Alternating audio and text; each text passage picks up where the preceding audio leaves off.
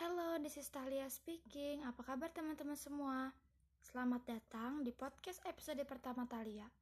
Podcast Talia namanya Om Do, Omong Doang. Karena emang adanya omongan doang kan, kalian gak bisa ngeliat Talia. Peringatan sebelumnya, jika kalian mengharapkan sebuah podcast yang menenangkan, kalian salah saluran. Podcast ini gak memberi efek relaxing, but trigger you to think.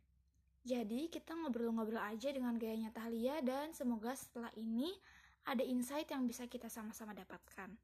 Peringatan kedua, podcast episode pertama ini mungkin gak menggunakan data atau teori apa pun. Semua murni based on my experience and my common sense. Jadi, maaf banget kalau mungkin apa yang aku omongin gak valid atau gak ilmiah. But I hope you guys like it. Dan Albert Einstein pernah bilang, Education is not learning the facts, but the training of the mind to think. Pada hakikatnya, pendidikan memang bukan hanya mempelajari teori, menerima informasi, data, fakta, dan lain-lain, tetapi juga mendorong kita untuk berpikir. Nah, itulah tujuan aku bikin podcast ini. Aku pengen ngajak teman-teman semua sama-sama mikir.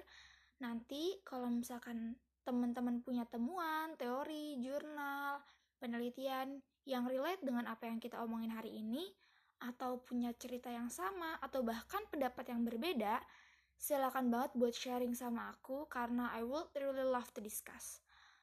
Oke deh, langsung aja kita mulai Omdo episode pertama tentang keresahan, ciri khas, dan totalitas.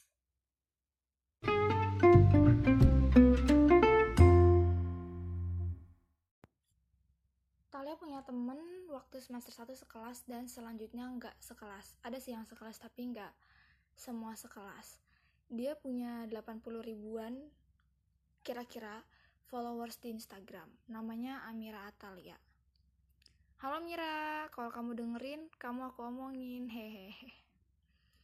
Um, I just amazed gimana dia bisa dari followersnya cuma ribuan, terus naik dan naik lagi, sampai pada akhirnya puluhan ribu dalam waktu satu tahun. Keren banget Mira dan karena aku penasaran, aku pengen belajar gimana caranya. Pas ketemu dia di kampus, aku iseng nanya, Mira, Tala pengen jadi selebgram, caranya gimana? Jawabannya dia simpel. Tali ciri khasnya apa? Harus punya ciri khas. Poin penting, ciri khas.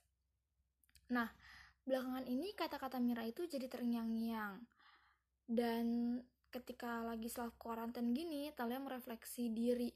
Sebenarnya ciri khas Talia itu apa ya? Kira-kira apa yang bisa kita tonjolkan? Konsep apa uh, yang jadi image Talia? dan lain-lain. Dari dulu aku punya image atau ciri khas imut lucu dan childish dan polos tapi pintar. Tapi masih sebenarnya masih bingung gitu kenapa bisa orang-orang ngomong aku polos dan imut gitu. Aku nggak ngerasa, tapi aku mengakui aku pintar dan lucu karena aku um, senang menghidupkan suasana, aku senang bikin orang ketawa, bahkan jika aku harus jadi bahan ledekan, jadi clown of the group, nggak apa-apa gitu, yang penting orang ketawa. Sebenarnya juga aku nggak pinter.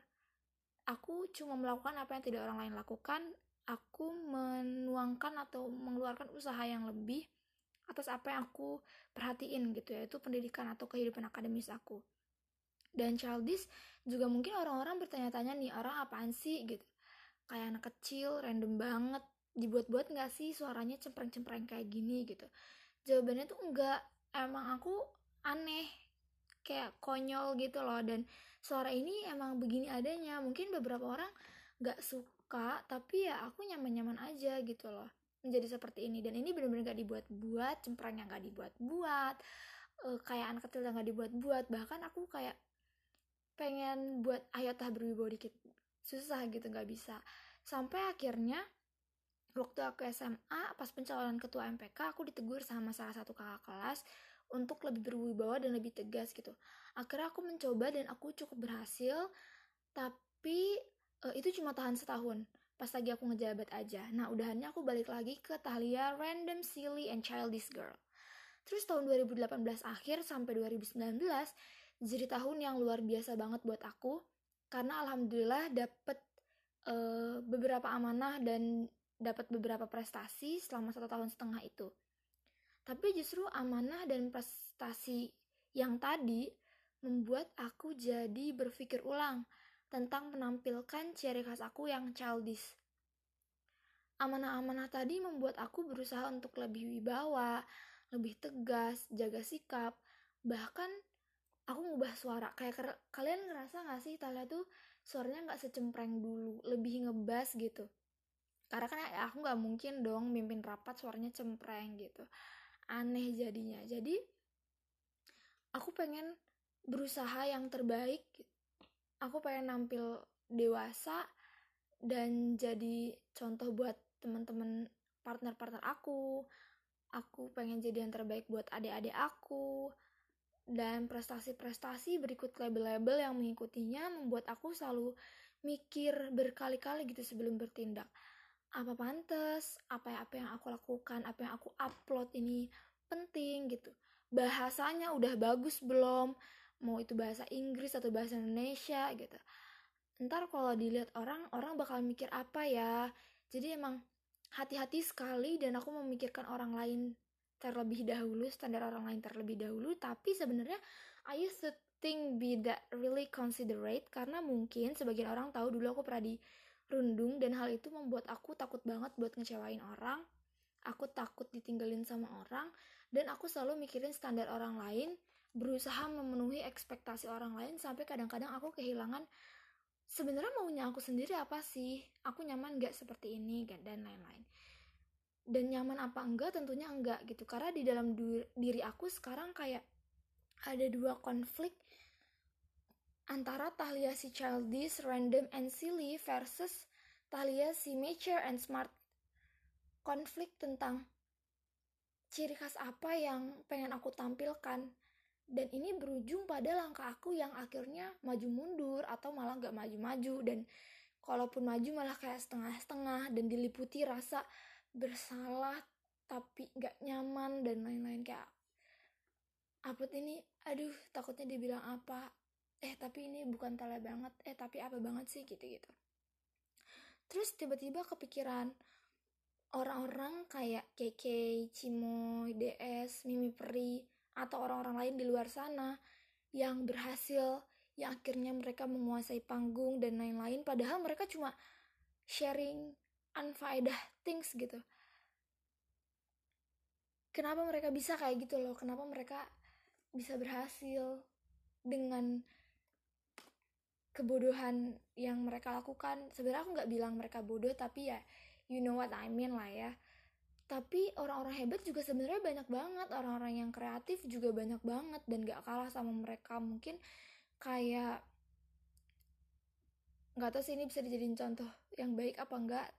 Eh, Atta Halilintar gitu yang bisa kerja siang malam dia tahu dia maunya apa dan segala macam yang pada akhirnya dia kerja keras buat bikin YouTube-nya atau orang-orang lain di luar sana juga yang akhirnya tahu mereka maunya apa dan lain-lain. Atau Frozen gitu yang mereka tahu mereka mau bikin apa mereka uh, punya proses pembuatan yang panjang banget tiga tahun lebih dan bahkan timnya harus survei ke Norway, ke Scotland, ke Kutub Utara atau Selatan gitu cuma biar bisa dapetin visual Frozen 2 kayak gimana.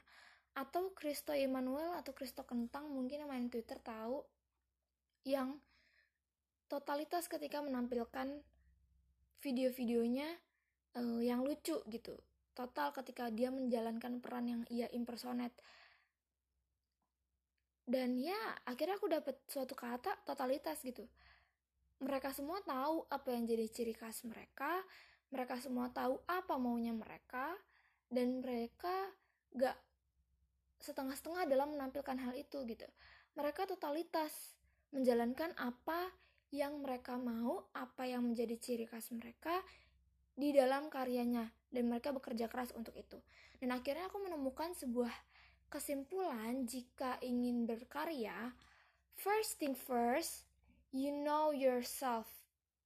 Paham dulu siapa kamu, apa maunya kamu, dan jadilah diri sendiri.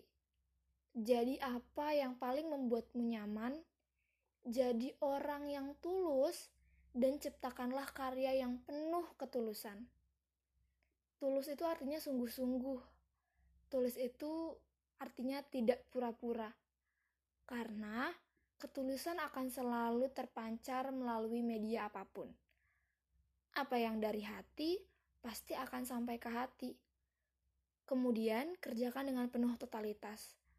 Tuangkan seluruh jiwa raga pada apa yang menjadi karya, pada apa yang menjadi mimpi kita.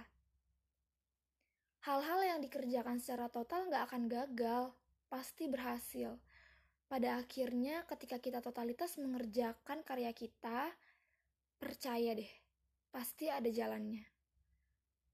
Karena sebuah karya akan selalu menemukan penikmatnya, dan penikmatnya akan selalu mencari karyanya. J.K. Rowling dan Harry Potter pada akhirnya berhasil menemukan orang-orang yang suka fantasi dan ide tentang dunia sihir. Mungkin Keanu AGL pada akhirnya dicari oleh orang-orang yang ingin tertawa, suka dengan humor sarkasme, atau berhasil merilis emosi mereka hanya dengan melihat apa yang dilakukan Keanu di Instagramnya. Atau mungkin situs-situs belajar bahasa Inggris pada akhirnya ketika mereka mengerjakannya dengan penuh totalitas, mereka juga akan menemukan orang-orang yang ingin belajar bahasa Inggris. Atau bahkan hal sepele seperti acara katakan putus, mungkin mereka menemukan sendiri pencintanya, mereka-mereka yang suka drama dan suka keributan. Jadi tenang aja. Just be yourself know yourself better, and be the best version of yourself. Pahamin diri kamu, pahamin standar yang ingin kamu terapkan pada diri kamu sendiri. Jangan dulu pikirkan uh, standar orang lain. Jangan bukan jangan dulu, jangan melulu. Jangan selalu pikirkan standar orang lain karena kamu juga pasti punya ekspektasi tersendiri, kamu punya standar sendiri karena yang tahu diri kamu lebih baik adalah ya diri sendiri. Kita yang paling tahu maunya kita apa, kita yang paling tahu siapa diri kita, kita yang harusnya berusaha memahami diri kita, bukan memaksakan diri kita atas suatu standar yang diciptakan lingkungan kita. Yang tentunya apa yang kita kerjakan harus sesuai dengan norma agama dan norma hukum ya, jangan sampai juga melenceng dari itu tapi tetap pahami diri kamu, pancarkan ciri khas yang ada di dalam diri kamu, totalitas dalam setiap karyamu. Okay, that's all. Thank you for listening. See you next episode. Bye bye.